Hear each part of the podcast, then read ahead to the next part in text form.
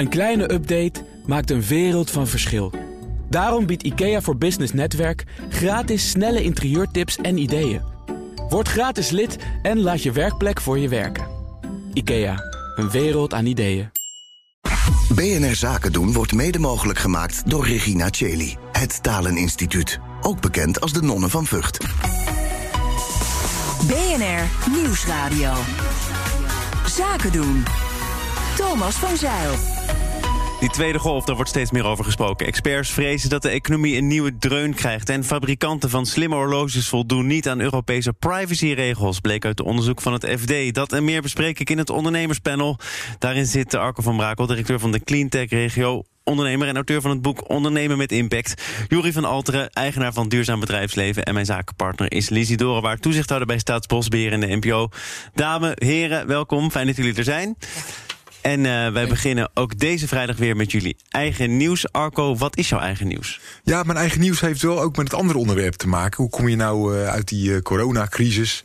Maar wat mij vooral op is gevallen in wat ik de afgelopen weken allemaal gezien, gehoord en geleerd heb, is dat er een hele grote mismatch is tussen wat kleinere ondernemers nodig hebben en wat er eigenlijk te bieden is. heel concreet, als je als kleine ondernemer geen HR-afdeling hebt, hè, je hebt bijvoorbeeld zes man personeel of zo, dan is het heel erg moeilijk om bijvoorbeeld bijvoorbeeld het werk wat je hebt te matchen met een vacature die past, die staat in de. of bij, met een profiel die staat in de, in de database van het UWV. Maar je kan ook bijvoorbeeld heel erg moeilijk uh, weten hoe je dus uh, leerwerkplek kunt creëren of stagiaires kunt, kunt, kunt aannemen. Ondernemers weten de weg gewoon niet, hebben vaak wel werk en ook plek, maar weten niet hoe het moet, weten niet hoe ze het kunnen bereiken of kunnen niet gematcht worden met de grote systemen. En dat is een hele grote belemmering, want daardoor kunnen vakmensen geen leerwerkplek krijgen. Wat op zich uh, slecht is voor de werkgelegenheid, maar ook slecht voor de energietransitie. Um, het is niet handig voor onderwijsinstellingen die hun stagiaires niet goed kwijt kunnen. Het is onhandig voor ondernemers die gewoon werk hebben wat ze nu niet kunnen doen. Hè. Probeer maar eens een loodgieter te vinden. Um, dus, en daar zou je eigenlijk een hele snelle, korte klap kunnen maken die nog behoorlijk bij gaat dragen aan het herstel van deze crisis ook. En uh, wie moet als eerste die weg bewandelen? Want je zegt zelf, ondernemers tasten ook een beetje in het duister, die weten het niet. Uh, een leerwerkplek is toch niet een uh, nieuw verschijnsel?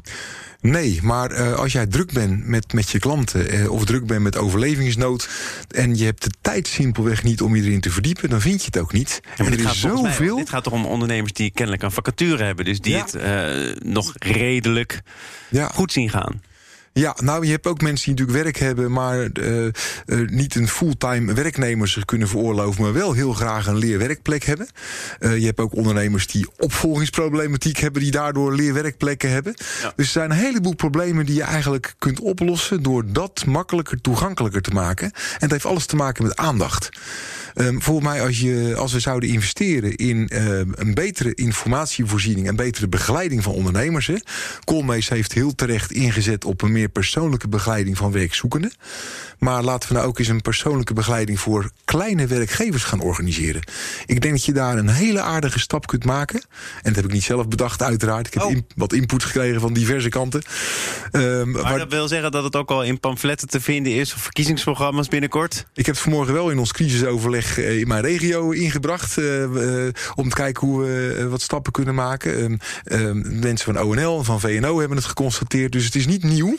Alleen het staat niet op alle agenda's. Terwijl je er volgens mij zonder al te veel geld heel veel resultaat mee kunt boeken. De Kamer van Koophandel, heeft hier, die, die hier niet een uh, rol ook?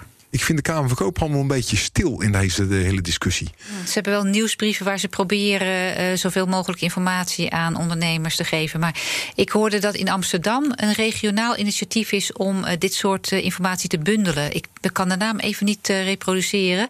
Iets van regionaal werk of zo. Ik, van de week op de radio. Ja, ja elke, er zijn natuurlijk overal arbeidsmarktregio's. Dus in theorie zou dit goed georganiseerd moeten zijn. Maar dit is dus een, een, een hiaat wat gewoon niet opgevuld is in heel veel regio's. Ja. En uh, ik realiseer me dat ik inderdaad met de Kamer van Koophandel moet gaan praten. Want die zouden hier inderdaad een rol moeten pakken. Okay. Ja, uitnodiging. Het ondernemerspanel brengt mensen bij elkaar. Jury, wat staat er op jouw agenda? Ja, ik uh, vond het mooi om op de voorpagina van het Financieel Dagblad te zien dat Picnic gaat uitbreiden. Misschien heb je het er al over gehad uh, vandaag, of niet? Kortstondig, kortstondig, maar ja. jouw blik is uh, zeker niet minder waard. Dus vertel. Nou, ik vind het mooi in tijden van uh, coronacrisis en uh, angst voor economische malaise. Vind ik het mooi dat er ook allerlei bedrijven zijn die groeien. En dan heb ik natuurlijk voornamelijk oog voor de bedrijven die een focus hebben op duurzaamheid. En ik vind Picnic daar een mooi, mooi bedrijf in. Gaan hard in Nederland en groeien hopelijk straks ook in andere landen. Ja, nou, wij hadden het erover met, uh, goed dat je dat zelf al zei, met onze eerste gast, Geert van der Laar van uh, Facilicom. En ja. uh, de facilitair dienstverlener, ontzettend groot bedrijf. En hij zei: Picnic, um, doet me eraan herinneren, of houd me scherp. Er is altijd een partij, een kleine ondernemer... die op een zolderkamertje bezig is om een markt toch volledig op zijn kop te zetten. Hè? We dachten allemaal, nou, dat is wel ongeveer verdeeld. Albert Heijn, Jumbo, nog een paar grote jongens. Um, kijk jij er ook zo naar? Nou, ik denk zeker dat het als je wendbaar bent en nog niet zo, eh, zo'n moloch of zo groot bent, dan is het denk ik wel goed. Hè, dan, ben je, uh, dan ben je flexibeler en kan je markten openbreken. Maar ik zie om mij heen, wij, wij werken natuurlijk met heel veel toekomstgerichte bedrijven samen. En daar zie je dat men, ook als men groot is, nog steeds heel veel nieuwe markten kan openbreken en nieuwe businessmodellen kan ontwikkelen. Het, het, is niet voorbehouden aan de kleine partijen of de partijen die in opkomst zijn. We gaan het over grote jongens hebben die vaak uh, slimme horloges ontwikkelen. Want dat is ook booming business. Onderzoek van het FD. Daaruit blijkt dat ze zich niet altijd aan de Europese privacyregels houden. Het gaat dan eh, om het verzamelen van data. Ze houden data bij over slaappatronen, stress, hartslag, vetpercentage, zuurstofgehalte in het bloed. Maar consumenten die willen weten wat fabrikanten met die gegevens doen, worden gedwongen tot het lezen van lange, complexe juridische teksten. En daar staat dan ook nog eens niet de verplichte informatie in. Um, ja, dit is nieuw onderzoek, maar het verbaast mij niet. Jou wel? Nee, het verbaast me helemaal niet. Kijk, overal waar je data verzamelt, uh, loop je in principe een datarisico. Uh, tegelijkertijd vinden mensen denk ik het ook wel erg leuk om die data terug te kunnen zien in een app op je telefoon. Ik ben zelf ook zo iemand. ik, deze niet, ik heb nu geen smartwatch om, maar uh, ik train zelf ook altijd met dat soort ehm, tools. en dan kijk ik op mijn telefoon terug hoe dat gegaan is. Ja, dat helpt wel heel erg. Maar doet het er voor jou toe om te weten wat er verder met die data gebeurt? Of brengt het um, jou zoveel plezier of zoveel inzicht ja. dat je denkt, dat maakt me ook niet uit, joh. Maar ja, ik, ik, ik, ben heel slecht. Ik vind eigenlijk in, in essentie vind ik dat je als bedrijf zorgvuldig om moet gaan met de data van je, van je klanten. Dat is een van de spelregels om respect te tonen aan je klanten. Um, maar ik ben zelf daar wel niet zo consequent in, want ik heb eigenlijk niks te verbergen, dus het boeit me nee, niet zo. Dit zijn nee. volgens mij de twee dingen die ja. spelen. Enerzijds de kant dat, die, dat, die, dat je verwacht dat bedrijven zich houden aan gewoon de wetgeving. Hè? Waar is die compliance officer in die bedrijven? En wat doet de Raad van Commissarissen daar om dit allemaal zo te accepteren? Om uh, de regels aan de laarzen lappen, dat is de ene kant. De andere kant is dat jij zei net. Um, dat de uh, consumenten hier uh, moeite mee hebben. Nou, zijn misschien consumenten zoals ik, en ik koop zo'n uh, horloge dus ook niet. Maar co consumenten die het kopen, hè, zoals Arco en mijn man, die vinden het geweldig. En die interesseert het echt helemaal geen klap. Wat kan, want die hebben zoiets, wat kan, wat kan die, dat bedrijf met mijn hartslag doen? En die hebben niet het gevoel dat er iets ergs aan de hand is. En dat zijn twee kanten van deze medaille, denk ik. Ja, en, en de tekst, Jury, ik heb toch niks te verbergen. Ik begrijp dat het al altijd zo is dat je ja. toch wel iets te verbergen hebt. Jij ook of jij niet? Nou, ik heb helemaal niks te verbergen. Oh, ja, weet je natuurlijk. Maar, nee, maar het, ik, ik, ik, ik, ik begrijp wel. Kijk, er zijn volgens mij twee dingen aan de hand. Eén is, uh, men vindt het lastig als men uh, gaat kijken wat wordt er gedaan met mijn data. Dan kan men niet goed vinden wat er gedaan wordt. En dan vindt men alleen maar hele lange lappen tekst met juridische termen erin. Nou ja, ik merk, ik, ik heb, ben, uh, ik heb een online platform waar mensen inloggen en dat soort gegevens achterlaten. Ik, privacy wet en regelgeving moest, daaraan moest voldoen, heb ik ook een jurist gevraagd: kan jij mij daar niet bij helpen? Ja, en ik heb die tekst ook gelezen, ik begrijp daar ook weinig van. Ehm, dus dat, dat is één. Hè. Het, je moet voldoen aan wet en regelgeving. En dan vraag je een jurist en die, zet, die, die dekt natuurlijk daarin alles af. En dan is het eigenlijk onbegrijpelijk voor de gebruiker. En het tweede is, volgens mij gaat het er niet zozeer om wat doet men met jouw data. Of wat doet men met die data? Maar volgens mij gaat het er veel meer om als je toelaat dat allerlei bedrijven jouw data verkopen aan welke willekeurige partijen ook.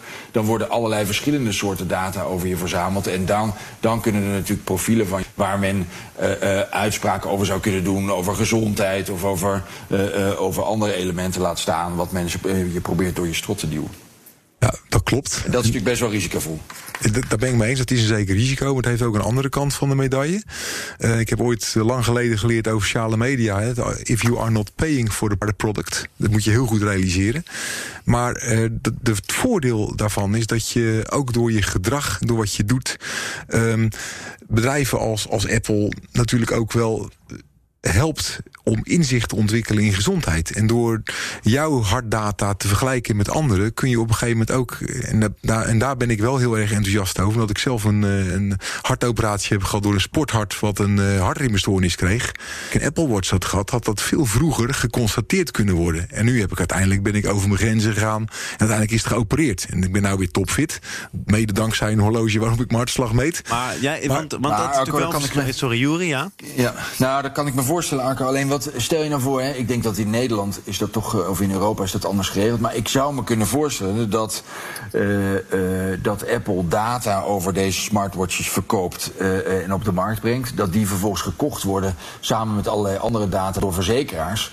En dat vervolgens verzekeraars kijken, goh, hoe gaat dat nou eigenlijk? Ja. Hè? Wat is nou eigenlijk dat vetpercentage? Ja. En is daar misschien een hartprobleem of iets anders? Die levensverzekering van meneer Van ja. die gaan we eens even terugschroeven. Ja. Of juist niet. Dan kom, je, dan kom je natuurlijk wel in het traject. En, ik, en nogmaals, ik ben ook volledig voor. Uh, ik vind het heerlijk dat ik geen advertenties krijg waar ik niet op zit te wachten. Ik vind het ook heerlijk dat ik, uh, uh, dat ik personificatie krijg in, in de diensten die ik gebruik. Maar er zijn natuurlijk wel risico's aan. En dat is natuurlijk wel lastig als je, dat, als je door de bomen of door je juridische bomen het bos niet kan zien. Maar, maar Arco, je zegt van als, als Apple ervoor kan zorgen dat er producten op de markt komen die ervoor zorgen dat mensen geen risico lopen of minder risico lopen, dan draag ik er graag aan bij. Maakt het voor jou wat uit of jij je gegevens bijvoorbeeld afstaat aan de wetenschap of aan Apple? Nou, Apple is toevallig een bedrijf wat natuurlijk jaren geleden heeft besloten om die data niet te verkopen aan andere. Dus die zijn daar denk ik ietsje beter in dan sommige andere organisaties. Uh, dus misschien is Apple niet het allerbeste voorbeeld hier. Ik zou me meer zorgen maken over de kleintjes die het misschien harder nodig maar hebben. Apple heeft gezegd, uh, wij versleutelen de informatie zodat je het niet kunt lezen. Maar we -hmm. mogen het wel gebruiken om producten en diensten te verbeteren. Juist. Dus dan hebben ze er wel zicht op. Ja, maar dat vind ik dus, dat, dan, vind ik het, dan vind ik het eigenlijk oké. Okay, als ik heel eerlijk ben. Want ze kunnen niet op microniveau zien dat ik het ben. Zouden ze misschien wel kunnen, maar ik denk niet dat ze dat willen. Um, en vervolgens zie je dus wel dat de collectieve intelligentie wordt gebruikt... om de dienstverlening aan individuen, ook op gezondheidsgebied, te verbeteren. Dan heb ik er geen moeite mee. En als het voor wetenschap werkt, ik eigenlijk ook niet. Maar zodra je inderdaad in de sfeer gaat komen van... financiële dienstverleners vind ik per definitie verdacht, als ik heel eerlijk ben. En als die er dingen mee gaan doen, kijk, dan, dan wordt het een ander verhaal. Maar dan hebben we gelukkig een wet. We gaan naar een ander verhaal toe. Zaken doen. En dat doe ik samen met het ondernemerspanel. Daarin zit Arco van Brakel, Jury van Alteren... en mijn zakenpartner is Lisie Dorenwaard. En um, ook in dit panel moet het wellicht toch ter sprake komen... namelijk het feit dat er een tweede golf lijkt aan te komen. Jaap van Dissel sprak daarover eerder deze week in de Tweede Kamer. Arbeidsmarktdeskundigen zeggen dat de economie bij een tweede golf... een nieuwe klap krijgt. Misschien wel een grotere klap ook. Jury, denk jij dat? Ja. Nou ja, de signalen zijn natuurlijk wel, gaan allemaal die kant op. Dus ik, uh, ik, uh, de, ik, ik, maak me daar wel zorgen om. En ik voornamelijk om de en de bedrijven die natuurlijk heel hard geraakt zijn in die eerste klap. En waar je eigenlijk ziet dat ze de eerste klap eigenlijk al niet overleefden. Hè. Dus de horeca en evenementensector, de culturele sector, dat soort organisaties en ondernemingen. Ja, daar daar, uh, daar maak ik me wel zorgen om, ja. Mm. Ik wil, uh, en ik vind het ook mooi dat ik nu even de gelegenheid krijg... want ik wil dan ook een oproep doen aan al die bedrijven... die juist niet in die hoek zitten en niet vol met hun rug tegen de muur zitten... om echt de volle creativiteit, vindingrijkheid en ondernemerschap te gebruiken om niet juist met, van al die, rekening, al die regelingen zomaar gebruik te gaan maken, maar juist te kijken hoe kan ik nou zorgen dat, ik daar, eh, dat, dat, dat die regelingen gebruikt worden voor, voor de partijen die het echt nodig hebben. Want daar maak ik, daar maak ik me misschien nog maar wat Maar denk je echt dat het uh, zo verdeeld wordt dat als uh, bedrijf A ervan afziet dat er uh, iets extra's komt voor bedrijf B dat het harder nodig heeft? Nee, maar ik denk wel dat op het moment dat er, uh, dat er bedrijven zijn die, uh, die, met, uh, die met binnen de mogelijkheden van hun ondernemerschap wel overeind kunnen blijven en dus die regeling niet nodig zouden hoeven hebben. Ik denk dat dan blijft er natuurlijk of geld over... of blijft er meer ruimte over voor de partijen die echt op, het, op de klif staan. Heb nu, uh, Jury, aanwijzingen dat er bedrijven zijn... die het zich een beetje laten aanleunen? Die denken, ach, die overheid die komt wel over de brug. Ik hoef mezelf niet maximaal in te spannen om het zo goed mogelijk te doen? Nou, ik denk dat er voldoende bedrijven zijn uh, geweest in die eerste ronde. Uh, uh, die misschien achteraf hadden gedacht van nou, ik, ik had het misschien best wel kunnen bolwerken zonder die regeling. En had misschien wat andere oplossingen kunnen vinden. dan nogmaals, ik, ben, ik vind iedereen die, die moeite heeft en, het, en, en die regeling zou moeten gebruiken, die moet hem gebruiken. Maar als je denkt, ik zou het kunnen omzeilen, want ik kan met creativiteit, vindingrijkheid en ondernemerschap er proberen uit te blijven. In godsnaam blijf er dan vanaf en zorg ervoor dat de mensen die omvallen, of de bedrijven die omvallen, dat die het kunnen gebruiken om, uh, om, uh, om gewoon hun mensen aan het werk te houden. Ja, daar ben ik het wel mee eens hoor. Met uh, die nuance dat er ook bedrijven geholpen zijn die waarschijnlijk sowieso het moeilijk hadden. Uh, en dat is natuurlijk heel lastig te beoordelen, dat realiseer ik me. Maar inderdaad, laten we proberen het, vooral terecht laten komen bij de bedrijven die het echt nodig hebben. Maar um, ik zou ook willen pleiten om te kijken of er ook andere mogelijkheden zijn. Um, want ik bijvoorbeeld een. een, een is bij ons een bedrijf in Deventer wat, wat, wat, wat stellingen bouwde voor beurzen. En die waren natuurlijk helemaal in paniek, maar die maken maken nou dus frameworks voor huizen. Ja, weet je, dat zijn natuurlijk hele gave concepten. Dus je kan ook soms ombuigen. Die hebben trouwens ook vakmensen daarvoor nodig. En die kunnen die vakmensen nu niet vinden. Dus dat is het probleem wat ik net aankaartte. Um, maar ik denk dat we niet alleen bedrijven met geld moeten helpen, maar ook met nieuwe combinaties. Ga nou eens kijken hoe je bijvoorbeeld in, in een restaurant wat het moeilijk heeft, een artiest kunt laten optreden die het moeilijk heeft. Corona-proof. Um, dan ga je per tafel namelijk iets meer, uh, iets meer uh, uh, omzet in zo'n restaurant. Het is voor de artiest goed. Die verdient misschien ietsje minder, maar verdient wel wat. Je, kan, je kunt amusement leveren op een manier. Je houdt de binnenstad, hou je wat meer uh, vol bezoekers, waardoor de retail mee kan profiteren. Ik zou We ook zijn willen nu zes kijken. maanden onderweg. Um, valt de creativiteit je mee of tegen? Want ik denk dat heel veel bedrijven inmiddels wel hebben gedacht... we moeten iets anders doen dan Ja. we deden. Nee, de creativiteit is, is mij mee en tegengevallen. Uh, sommige bedrijven die verrassen je aangenaam... en andere denken, joh, ga aan de gang... want het, er zijn mogelijkheden en, en die, die lopen. Dus dat, dat heeft met ondernemerschap te maken. Waar ik heel erg me bezorgd over maak... is die tweede golf die er aankomt. Um, die je helemaal mijlenver kon zien aankomen. Want alle pandemieën hebben twee jaar geduurd, altijd. Uh, dus het is helemaal niet gek dat, er, dat het van de winter erger wordt. Uh, maar ik zie het in combinatie met de sociale dingen die er gebeuren. Ik zat uh, naar, naar Famke op tv te kijken bij Jinek van de week. En ik vond dat Gommers het perfect de dialoog met haar is aangegaan. Want heel Nederland zei wel, Famke is dom. Nee, Famke is niet dom. Fam, Famke is bezorgd. En ze misschien niet zo wel bespraakt dat ze haar zorgen goed onder woorden kan brengen. Zij vertegenwoordigen minstens 2 miljoen Nederlanders, oud en jong, die heel bezorgd zijn. En die nu op een flikken krijgen omdat ze met Willem II uh, uh, een beetje rel hebben staan maken of hier hebben staan vieren. Mensen maken zich zorgen. Mensen hebben geen uitlaatklep. Toen ik begon te werken was er ook Maar crisis. dan nog, dan nog heb je toch, ja, de- deze discussie wordt natuurlijk dagenlang gevoerd. Jij vindt niet dat zij een andere verantwoordelijkheid heeft? Ze mag zich gewoon wel zorgen maar die heeft ze ook genomen de dag daarna. Ze heeft het gewoon. Ze wilde een signaal Ja, afgeven. De andere dag heeft ze zich na het gesprek met Gommers en Abu Talib, die dat heel goed deden, heeft ze de mening bijgesteld publiekelijk. En heeft ze de excuus ook gemaakt. Excuus gemaakt zelfs. En hier zie je wel een eh, probleem dat een, ge- er een grote groepen mensen het verschil niet zien tussen meningen en feiten. En het zijn natuurlijk feiten. En daar wordt overheen gelopen alsof een feit, wat dus bewezen is, alsof dat hetzelfde is, gelijk is aan een mening van wie dan ook. Kijk, als ik niet ergens verstand van heb en ik zeg daar iets over, dan is dat een mening. Het is iets heel anders dan feiten. En eh, eh, waar onze overheid zich op probeert te baseren, is zoveel mogelijk op feiten. En ehm, zij zeggen dan, we gaan vragen stellen. Wij stellen alleen maar vragen, maar ze willen daar niet echt antwoord op. Want die antwoorden zijn al gegeven. En dat is, dat is wel jammer. Dus ik denk dat we Ja. te maken hebben met een gedragscrisis. Ja, ja, inderdaad. Maar ook gewoon mensen die hun, hun, hun gevoel van zorg niet onder woorden konden brengen. Ik, ik leg het altijd volgt uit. Toen ik begon te werken in 1992 of zo, was er ook crisis. Maar wij konden in elk geval nog naar de kroeg en naar het voetbal, andere dingen doen. Maar zelfs dat kan niet op dit moment. En wat doe je dan als je jong wel, bent? maar je, op wat Ja. afstand. Ik zit, Ja, ik, maar nou, ik zit regelmatig in een restaurant, ook te lunchen. En het is, het, Ja, het maar is jij bent geen 18, 19 of dat 20 klopt, meer. dat klopt. Maar het is eh, best wel gezellig. En eh, het is niet Ook met Lizzie is het gezellig in de kroeg, ja. Ja, mijn punt is even dat, dat mensen soms een machteloosheid hebben. En dat we niet dat moeten afserveren, maar dat we naar moeten luisteren. Want de winter is nog niet eens begonnen en het wordt alleen maar erger. Wordt en daar moeten we dan over wordt? Ik had nadenken. het idee dat Jury iets wilde toevoegen. Klopt dat?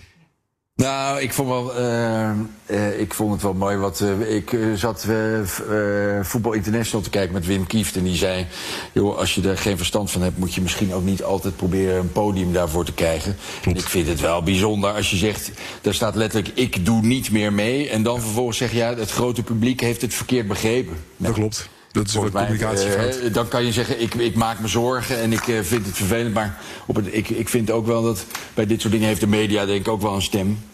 Uh, zo, geven, proberen we er wel voor te zorgen dat allerlei mensen die van heinde en ver komen, overal maar hun mening kunnen ventileren. Ja, jongens.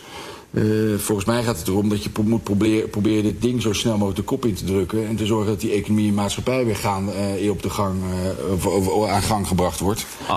Er werd van de week een mooi frame gegeven voor die Willem Engels, de, van die viruswaanzin. Dat is een secteleider. Ik denk dat het, want het is iemand die geen feiten uh, doet, maar, maar zijn mening als feit neerzet. En dat is ja. echt een verschil. Maar als je dan tegelijkertijd uh, ondernemers hebt die op basis van experimenten wel feiten aanleveren, zoals mensen die laten zien dat het coronaproof mogelijk is om festivals te organiseren, ja. en die geluiden dringen niet door, ja. nou, dan maken we wel fouten. Want we zullen tot oplossingen moeten komen. Anders voorzie ik dat er gewoon grotere problemen gaan ontstaan dan een paar supporters die uh, zich niet aan de regels houden. Want nogmaals, de winter is nog niet begonnen. Hè? En het wordt echt nog erger.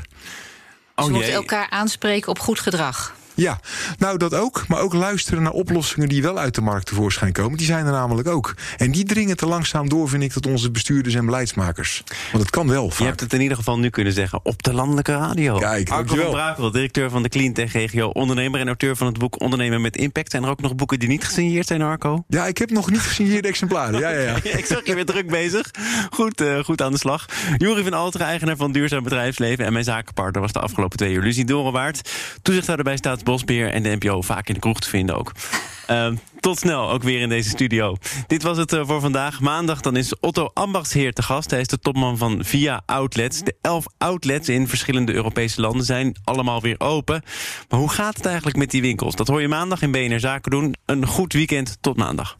BNR Zaken doen wordt mede mogelijk gemaakt door Regina Cheli. Het Taleninstituut. Ook bekend als de Nonnen van Vught. Het inrichten van je eigen zaak is best wel wat werk. Daarom biedt IKEA voor Business Netwerk 50% korting op interieuradvies. Word gratis lid en laat je werkplek voor je werken. IKEA, een wereld aan ideeën.